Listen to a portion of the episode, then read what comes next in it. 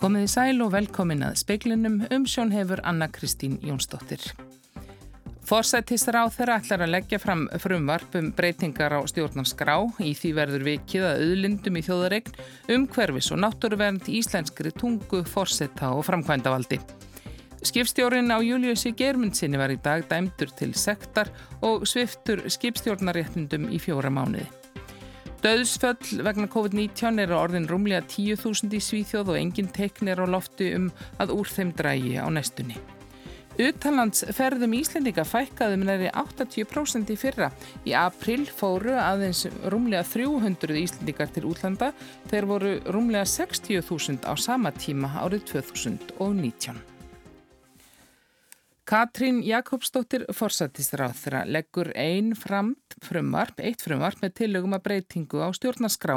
Formlegri vinnu formana allra flokka á alþingi um þessi máli lokið og tókst ekki að ná samkommulagi um sameinlegt frumvarp. Katrín er bjart sín á að þingið afgreði frumvarpið á vorþingi sem hefst á mánudagin. Mín niðurstað er að ég mun leggja fram uh, tillögur að breytingum í einu frumvarpi núna uh, á fyrstu dögum nýst þings. Eh, þær tilugur munu varða auðlindir eh, í þjóðaregn, umhverfis og náttúruvend, íslenska tungu og breytingar á öðrum kapla stjórnarskrálunar um fórsett og framkvæmda vald. Er það þér vombriði að vera mögulega eini flutningsmaðurinn? Ég átti nú kannski ekki endilega vona á að þessi mál, þar að segja stjórnarskrábreytingar, að það væri undan á fullri samstöðu um þær og það má þetta rekja bara til þeirrar umræðu sem við höfum séð á undanfjörnum áratug um stjórnarskrarbreytingar sem hefur átt verið mjög hörð og uh, mjög anstæðir pólar. Þannig að ég lefi mér að binda vonir við það því að ég tel að, að þrátt fyrir að það sé ekki samstæði hópnum þá hafi þetta verið góðir fundir og mjög mikilvæg sjónamið sem hafi komið fram formenn hafa auðvitað að tala með þeim hætti og fulltrú á flokka. Það er aðeins svona ólík sín millir ólíkra flokka á stjórnarskrábreytingar og ég vona að umræðin í þinginu verði til þess að leiða fram allavega aukna samstöðum sem all. Sagði Katrín Jakobsdóttir, Jóhanna Vigdís Hjaltadóttir talaði við hana. Skipstjórin á Júliussi Geirmundsinni játaði sög fyrir hérastómi vestfjörða í hátdeinu. Skipstjórin var ákerður fyrir brot á sjómanalögum. 22 af 25 skipverjum smituðust af COVID-19 á þryggjavikna veiðferði haust. Karl Ingi Vilbergsson er lauruglustjóra vestfjörðum. Nýðustan var svo að, að hann greiðir 750 skronar sekt og er sviftur skipsutnaréttundum í fjóramóniði.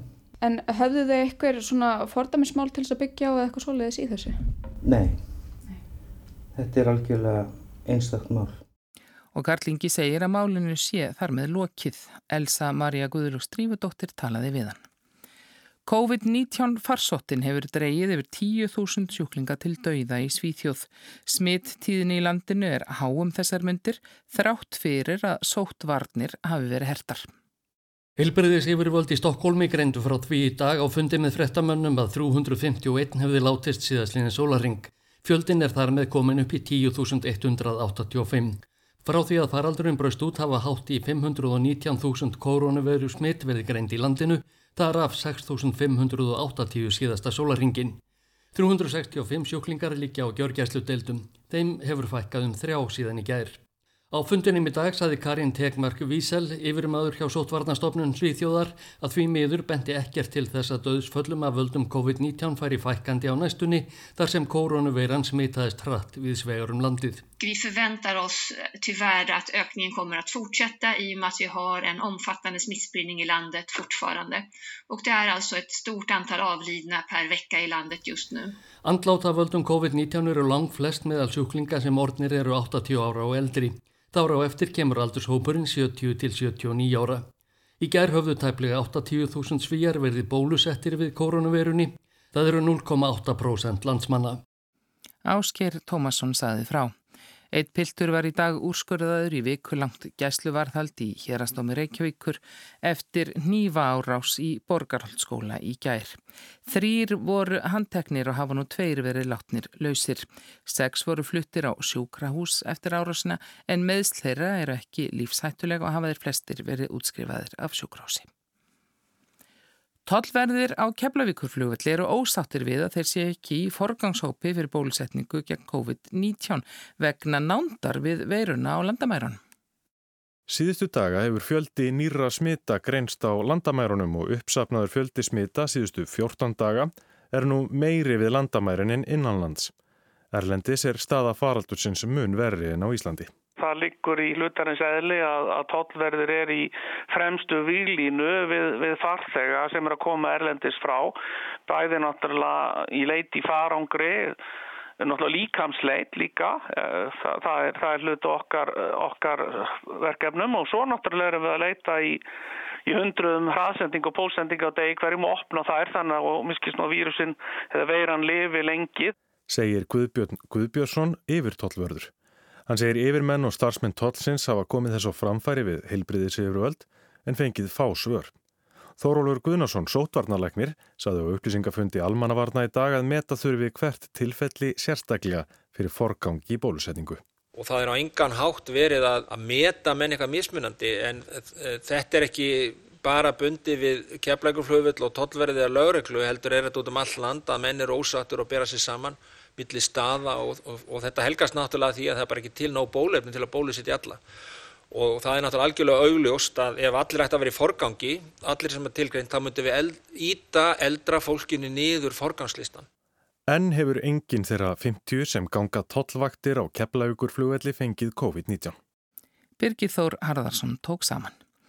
Heilsugjæslan á höfuborgarsvæðinu skoðar nú hvort rétt sé að kanna sjúkrasögu þeirra sem eru bólusettir með tilliti til þess hvort þeir hafi áður fengið ofnamisviðbröð við bólusetningu. Einn úr 500 manna hópi framlínu starfsfólk sem fekk bólusetningu í gær síndi bráða ofnamisviðbröð og var fluttur á spítala. Slík viðbröð eru þekkt en mjög sjaldgæf. Atvikið hefur verið tilkynnt til livjastofnunar. Heilsugeslan á höfuborgarsæðinu fundaði um málið í morgun.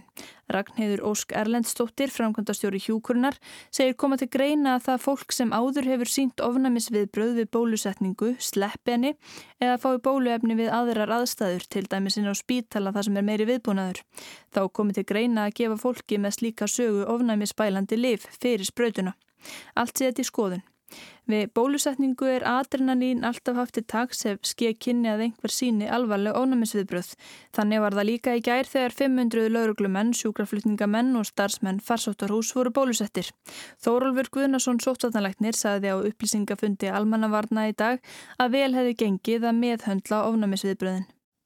Arnhildur Haldanadóttir saði frá.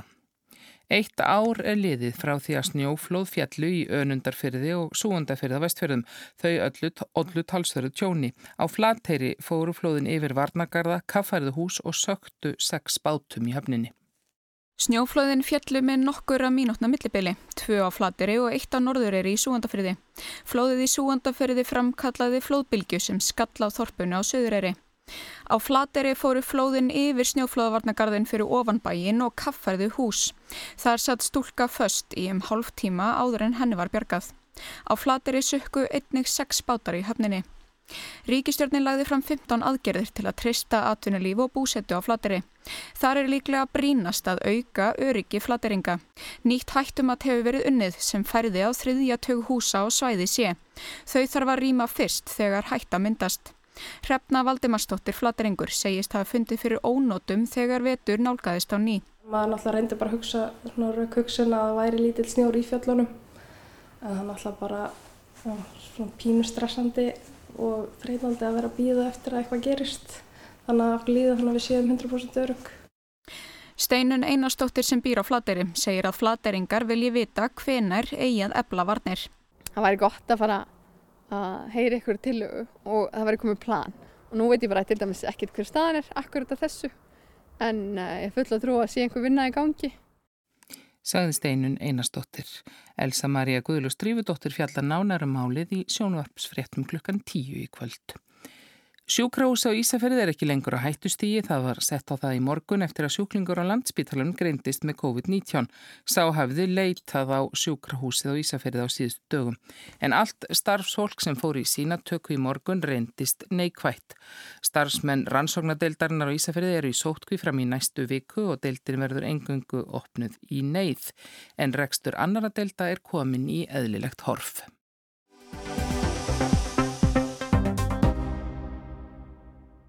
Um 130.000 Íslendingar fóru út fyrir landsteinin á síðast ári. Meða við árið áður fækkaði þeim um 79%. Fækkun íslenskra ferðamanna var hins vegar yfir 90 þegar litið er til ferða þeirra frá því í april og til loka ársins og í aprilmánuði fækkaði þeim sem fóru utan um heflavíkurflúall um 99,5%.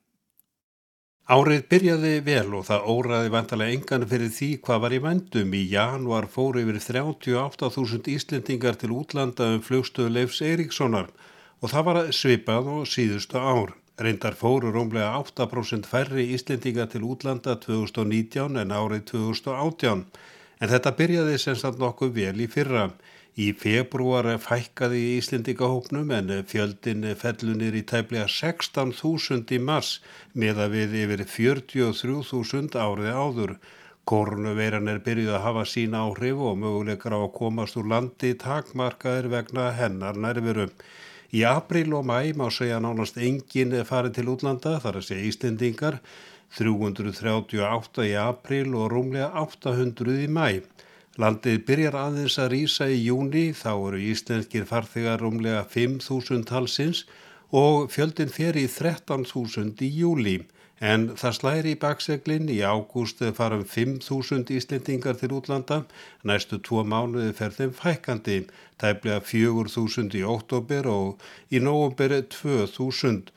Um 3.500 fara til útlanda í desember eða jólamánuðinum. Niðurstað ásins er að um 130.000 Íslendingar fóru til útlanda um flugstöðleifs Eiríkssonar í fyrra, miða við rúmlega 611.000 árið áður. Í prósundum er fallið tæplega 79%. Á spáni gott allt jam og djúsa, diskotekonum á, sólbrendur með kviktan brúsa í sandulum og ermalösum bó. En hvernig horfir staða með þeim sem að starfa við það að selja Íslendingum ferðið til útlanda? Þórun Reynistóttir, fórstjóri ferðarskristofunar Úrval útsýn, segir að staðan sé breytileg bæði hér innanlands og í útlandum nánasti viku frá viku. Við höfum þurft bara aðloga okkur að því hverju sinni en einhver síður við höfum verið með áallunni í gangi og sólastafs að hefðbunniði vetramániðina, Kanari og Teneríf og höfum þurft að liðra þar til bara í lósi aðstæðna.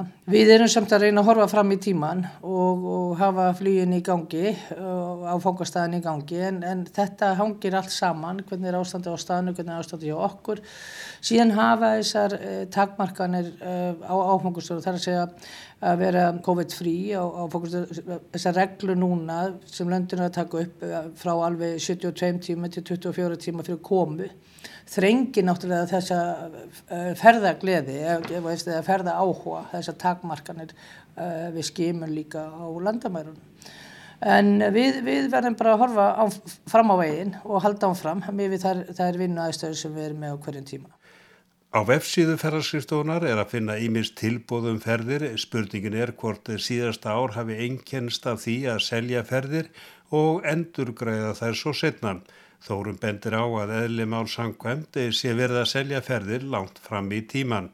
Og uh, þegar uh, COVID skall á hérna í lók februar og, og mars þá voru við búin að selja ferðir alveg bara fram í, í september og jafnvel oktober og jafnvel jólin og áramótin að komið svo langt. Þannig að uh, við náttúrulega á þessum tíma þetta skellur allt svona harkalega og þá bara lendum við í því eins og bara flestar aðri margar í að fara í að endurgráða okkar viðskiptuvinnum sem var náttúrulega mjög eh, þungbart í byrjun því að við náttúrulega búin fyrir, fyrirframgreða okkar þjónustu og erum ekki að fá endurgráð því að það var bara staðirna voru lokaðir. Þannig að það er búið að taka ansi stóran tolla að komast í gegnum það og, og þess að vinna með eh, hérna ráðaneitunum hvernig á að vinna þetta og svo framvís. Þannig að við erum að komast, að komast yfir, svona, erum að komast yfir þannig kúf. Síðan kom náttúrulega líka smá glufa hérna í júni þar sem við fórum að fljúa aftur. Þannig að það var sala þá og þannig að þetta er búið að vera svona, svona stort limbo undanfarnið, mánuði. Og það ríkir mikil óvissum hvert framaldi verður í ferðarþjónustunni en hvernig metur þórun útlitið? Og við náttúrulega bara hlustum á okkar ráðamenni, við erum að binda vonir að það verði komið smá Uh, hérna sala eh, fyrir páskarna og jafnvel eitthvað í mars. Þetta sé svona hæg og stígandi í þessu. Við erum, uh, verðum örfáferðir í februar og sjáum hvernig þær verða og þannig að það er erfitt að segja til um þetta.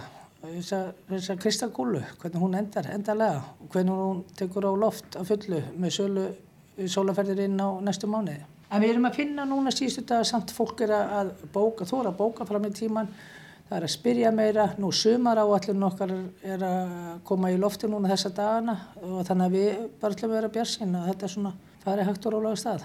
Þegar við gengið gegnum hremmingar þegar maður kemur hérna á skristúna eða ferðar skristúna í hlýðarsmára að þá er í fyrsta lagi er lokað Já. og það eru mjög fáir sem eru að störfum hafið þurft að grýpa til þess að segja upp fjölmörgum? Já, við, við uh, tókum, þegar við sáum þarna í byrju sumars hvernig þetta svona var að þróast þá tókum við bara ákvörðun og þar sem við sáum ekkert fram í tíma hvernig þetta myndi þróast að við ákomum að segja bara öllu starfsmennu upp og þar á meðal mér og veist, bara að hafa andri mig til þess að endurskipulegja reksturinn, endur líka gríðilegt tekjufall og, og ekkert nema kostnæður í reksturinnum En síðan uh, þegar uppsagnatíðanbílinu var lokið þá uh, við reyðið við uh, hlutastarfsmönu bara hlutastarf og í tímabundið að því að aftur vitum við ekki hver þörfin er.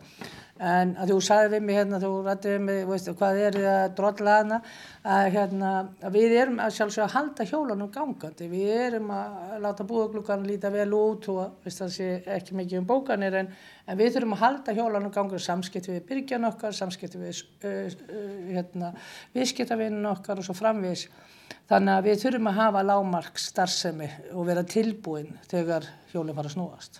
Íslendingar er reyndar á faralsfætti svona undir velnum kringumstæðum allt áraðum kring en það er þó kannski fyrst og reynst í, í kringum sömar mánuðina. Er hætt við því að, ja, að þið jafnvel missið af sömarvertíðin? Með við síðustu uppsingar eh, frá hérna, þrýeginu og, og það sem maður er að heyra þá bindum við vonið að við náum einsumurinu. Uh, spurning hvers, hversu stórt það verður, það er svo hver, hvað er þörfin mikil, hvað er, hvað eru orðin þreytt að vera heima og, og þurfum að fara, nú bólusetningin og svo framvist. Það er margir þættir sem þarna spil inn í, þannig að það er erfitt að segja til um á þessu stíi, á mínum mati. Það getur orðið algjör springja, við allt gengur vel og með alla þessa þætti, eða þá að færi algjörlega hinn áttina. Við höfum ákveð að fókusa á það að það verði mikil þörf og við undurbúkurinn til það að vera með áallunina þannig uppbyggða og hún annir þeirra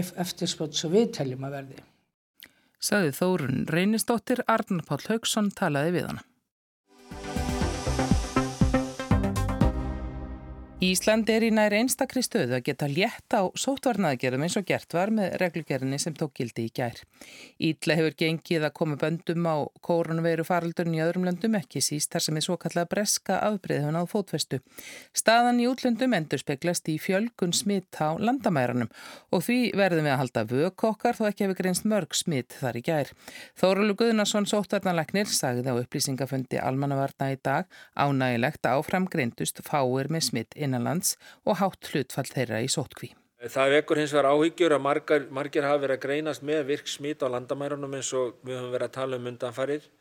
Þó að uh, það er aðgerðið sem við höfum viðhaft á landamærum með tvöfaldri skimun og fimm dagar sótkví á, milli hafi gefist vel til þessa til að koma í veg fyrir að smít berist inn í landi þá held ég að í ljósi aukinar útbreyðslu uh, erlendis og sérstaklega í ljósi aukinar útbreyðslu breska afbreyðisins sem við höfum talað um undanfarið þá er uh, hætt á því að við getum fengið uh, smitt uh, inn yfir landamærin og inn í samfélagið. Fyrir nokkurum vikun síðan var hlutfall smittaðra á landamærum langt undir 1% en nú er hlutfalli komið tölvert yfir 1% og allt í sömum velum allt upp í 10%.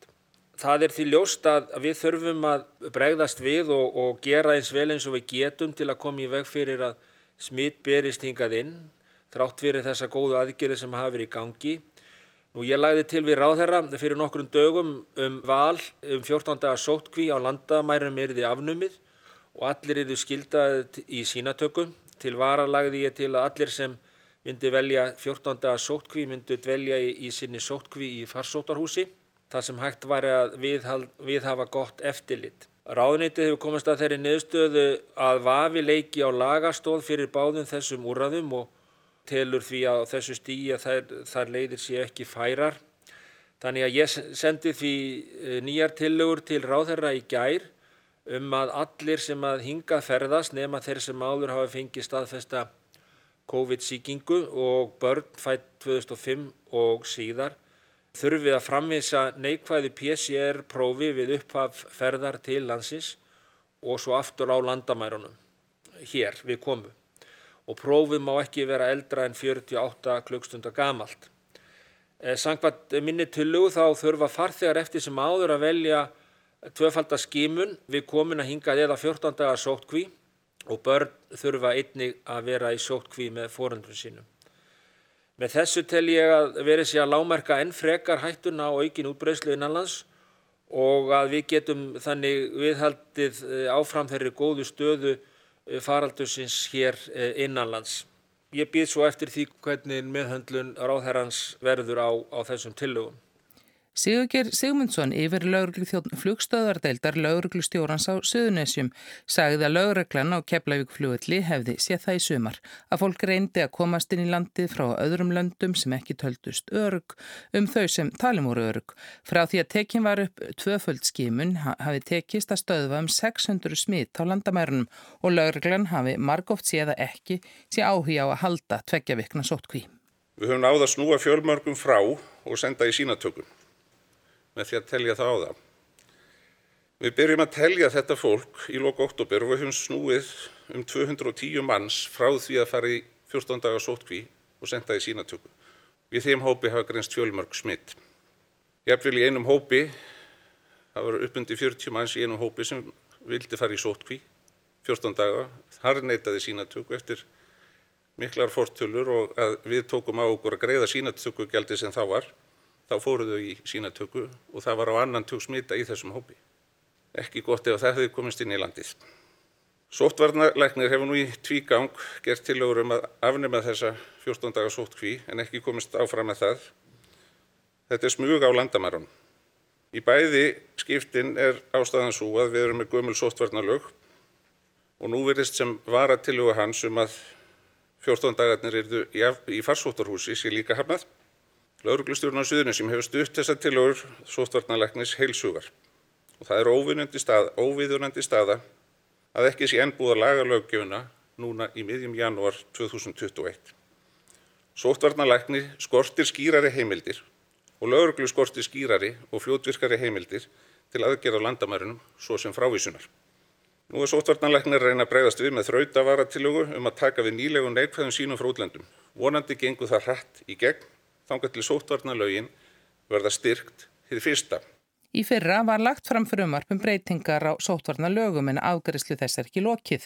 Þórólfur var spurður hvort að það hefði verið mistök að flýta ekki meðferð þess og hann sagðist ekki vilja blanda sér í þá umræðu. Vísa þessu nú bara á heilbreyðisraðneiti sem ber ábyrð á, á, uh, þeim, á framgangi á breytingu lagana og, og hérna en uh, ég hefði vissulega viljað sjá þessa þessa breytingu ganga í gegn fyrir áramótin og ég held að það sé mjög brínt eh, í, í svona faraldri að lagastóð fyrir aðgerðum sé algjörlega klár og á hreinu og, og það setja grípa til viðegandi ráðstafana eh, en aðra leiti vil ég ekki tjá mig mikið um það. Katrín Jakobsdóttir fórsættisráð þeirra saði daga mikil vinna og undirbúningur lagi til grundvallar endur skoðun á sóttarnalögum sem væri til meðferðar í þinginu. Þannig að, að þar munum við auðvitað fá betri heldar lagarama um þessi málefni en hvað varðar þá umræðu sem uppi við verið sem varðar sérstaklega heimildir til aðgjör á landamennum þá er það til umræði í ríkstjórn á morgun og ég venti þess nú að við munum fá skýrarisver eftir þann fund. Og Svandís Svavastóttir heilbreyðisráð þar að segja að vinna við endurskoðun lagana hafi verið sett í gang strax í haust og unnið sé eins hratt og mögulegt sé.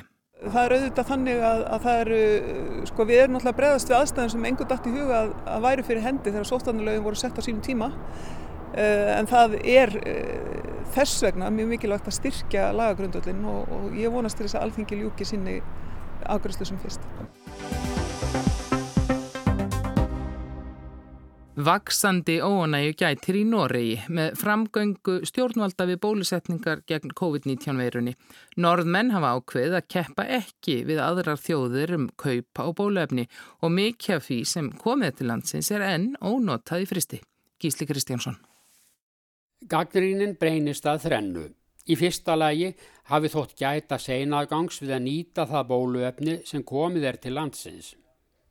Það hefur verið bæði í samfunum við ríki Evrópusambandsins og eins við kaup á bóluefni frá Moderna í bandaríkjónum. Þegar síðast fréttist var aðeins búið að nota ríflega fjórðungskamtana en mest haft áfram í geimslu. Þetta hefur verið skýrt með því ekki sé hættandi á að nota allar byrðir strax, tryggja verði í það minnst að helmingu skamtana sé fyrir hendi þegar bólusetja á öðru sinni Einnig að vissar að sé að eiga bóluefni í landi ef framleiðsla tefst eða bregst með einhverjum hætti. Bent er þó á að bæði svíjar og danir hafi nýtt allt bóluefni sitt strax og treyst á stöðugt vaksandi framleiðslu hjá hennum ímsu livjafyrirtækjum. Í öðru lagi er gaggrind að sveitarfjölög landsins sem eiga sjá um bólusetninguna hafi ekki verið tilbúin til að hefja bólusetningu þegar formlega var byrjað að bólusetja strax eftir jólinn. Því leikja ónotað bóluefni víða í geimslum um landið.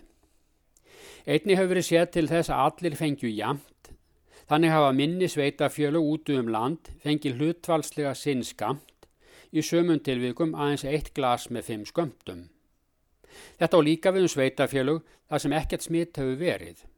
Sveitarstjórnar menn í þessum hreppum hafa gaggrínt skipulagið og segast ekkert hafa með fimm skamta að gera. Í þriðja lægi hafa stjórnmálamenn gaggrind yfirvöld fyrir að leitast ekki við að kaupa meira bóluefni en upphálega var samðum í samfunum við Evrópusambandið auk við bótar fór bandaríkjónum. Silvi Listhaug var að formaða framfaraflokksins, stuðningsflokks ríkistjórnar Ernu Solberg, hefur gaggrind þetta og sagt að norðmenn eigi nóga peninga til að kaupa meira. Ísraelsmenn hafi gert það með góðum árangri. Silvi hefur mælt með því að nota fjármagn úr oljusjónum til að kaupa bóluefni.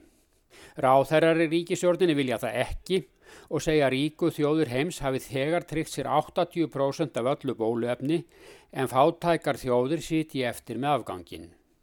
Þá eru rökin líka þau að engin hjálp sé að ráða niðurlögum heimsfaraldur sem vegna veirunar þótt ríkustu þjóðurnar sláist um allt sem framleitt er að bóluefni.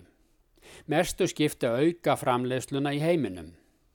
Af hálfu líðhelsustofnunar líka sagt ekki líkja á bólusetja fyrir en komið en nægt bóluefni fyrir stóran hluta þjóðarinnar. Mestu skipti núna að halda smiti í skefjum en það fari frambóð á bóluefnin og ört vaksandi. Samt hefur ríkistjórnin sendt út tilmæli til fólks um að kaupa ekki farmiða til útlanda í sumarfríinu því varla verði búið að bólusetja en mann hlut á þjóðarinnar fyrir sumarið. Bjartsinismenn spáðu því fyrir jól að hægt er það halda upp á þjóðhauðtjadaginn 17. mæ með hefðbundnum hætti í ár. Nú hefur Erna Solberg fórsættisráðara sagt það óþarfa bjartsíni. Nær sé að miða við bólusetningu allra landsmanna fyrir árslokk. Og hér var að berast fréttum að búið er að græða handleggja á Guðmund Felix Gretarsson eftir sjö ára byð. Aðgerðin var gerð á Edvard Erjó spítala í Líjón í Fraklandi en Guðmundur hefur dvali í Líjón undan farin fimm ár og beði þess að kallið kæmi. Þetta er í fyrsta sinn sem handleggir eru grættir á mann frá aukslum. Í frétt fransks fjölmiðils kemur fram að grættar hafi verið hendur á 48 ára gamlan íslenskan mann sem hafi mist báðar hendurna við aukst þegar hann var 26 ára eftir alvarlegt raflós ást og svo lýsing passar við Guðmund Felix. Samkvæmt heimildum fréttastofu tók aðgerinn 14 klukkustundir og gekk vonum framar og Guðmundi Felix er haldið sofandi. En veðurhorfur eru þær að það gengur í allkvassa austanátt sunnalands eftir hátegi á morgun með ryggningu eða slittu, mun hægari vindur og þurft á norður helmingi landsins hiti breytis lítið. Það er ekki fleira í speklinum í kvöld, tæknum aðri útsendingu var Jón Þór Helgason veriði sæl.